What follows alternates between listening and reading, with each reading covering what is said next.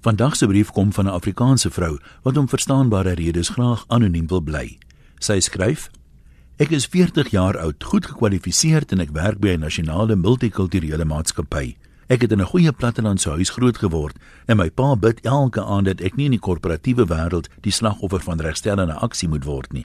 Ek het begin werk met 'n bakkalaureusgraad en langs die pad deeltydse honneurs en 'n meestersgraad gedoen en beide met lof geslaag. Ek sê dit nie om te spog nie, net ter wille van konteks. Aanvanklik het ek by van die maatskappy se takke op groterige dorpe en later stede in die Noord-Kaap en Vrystaat gewerk. Daar was wel nog nie veel sprake van transformasie nie.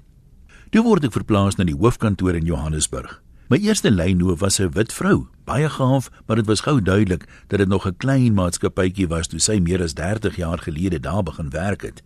Intussen het die maatskappy so uitgebrei dat wat toegewerk het bloot net nie meer kon werk nie. Sy kon egter nie aanpas nie, maar het dit probeer wegsteek en my doelbewus weghou van senior bestuurders af sodat hulle nie mis agterkom ek weet dalk meer as sy nie. Ek moes my idees aan haar oordra en sy sal self met management praat, want sy ken hulle mos. Gelukkig tree sy toe af na 'n paar jaar en ek word bevorder. My aanvanklike opgewondenheid om nou self met management te kon praat, was egter van korte duur. Management bestaan toe hoofsaaklik uit ouer Afrikaanse mans wat ook al jare vir die maatskappy werk. So far so good, maar ongelukkig het hulle deur die jare 'n tipe old boys mafia klub begin vorm. Hulle speel saam golf en eet saam uit. Ek het vrede daarmee, maar ek het nie geweet daar's vandag nog mense in senior poste wat neersien op vrouens nie. Behalwe die aansienlik laer salarisse vir dieselfde posvlak, is dit hulle optrede wat my dwars in die krop steek.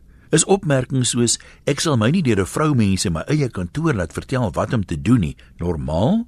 Dit word nou aan jou geskree nadat hulle jou vir voorstelle gevra het en jy dan durf waag om iets anders voor te stel as wat hulle graag verhoor. Ek het gedink hierdie ouderling tipe broederbond oomie sal ten minste hoflik wees, maar nee, In die openbaar spring hulle vinnig op as jy binnekom en trek met groot vertone stoel vir jou uit. Dit wys mos nou kastige respek. Maar daarna behandel hulle jou allermins met respek, eerder soos iets wat die kat ingedra het. En toe ek vra of ons dan nie hoflik vir mekaar kan verskil nie, word ek gevra of ek dan as vrou nie die druk kan hanteer nie.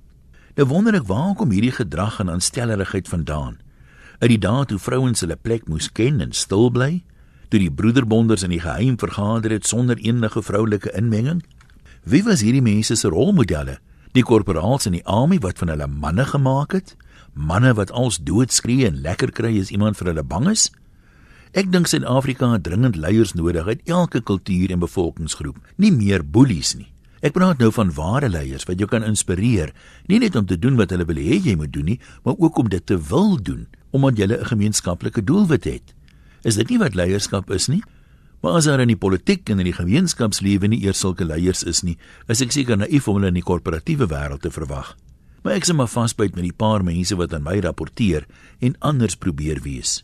'n Mens moet tog ander mense behandel soos jy graag wil hê hulle moet jou behandel nie waar nie? Wie voel nog so? Ek hoop daar 'n paar mense. Intussen groete van kantoor tot kantoor. Antoniem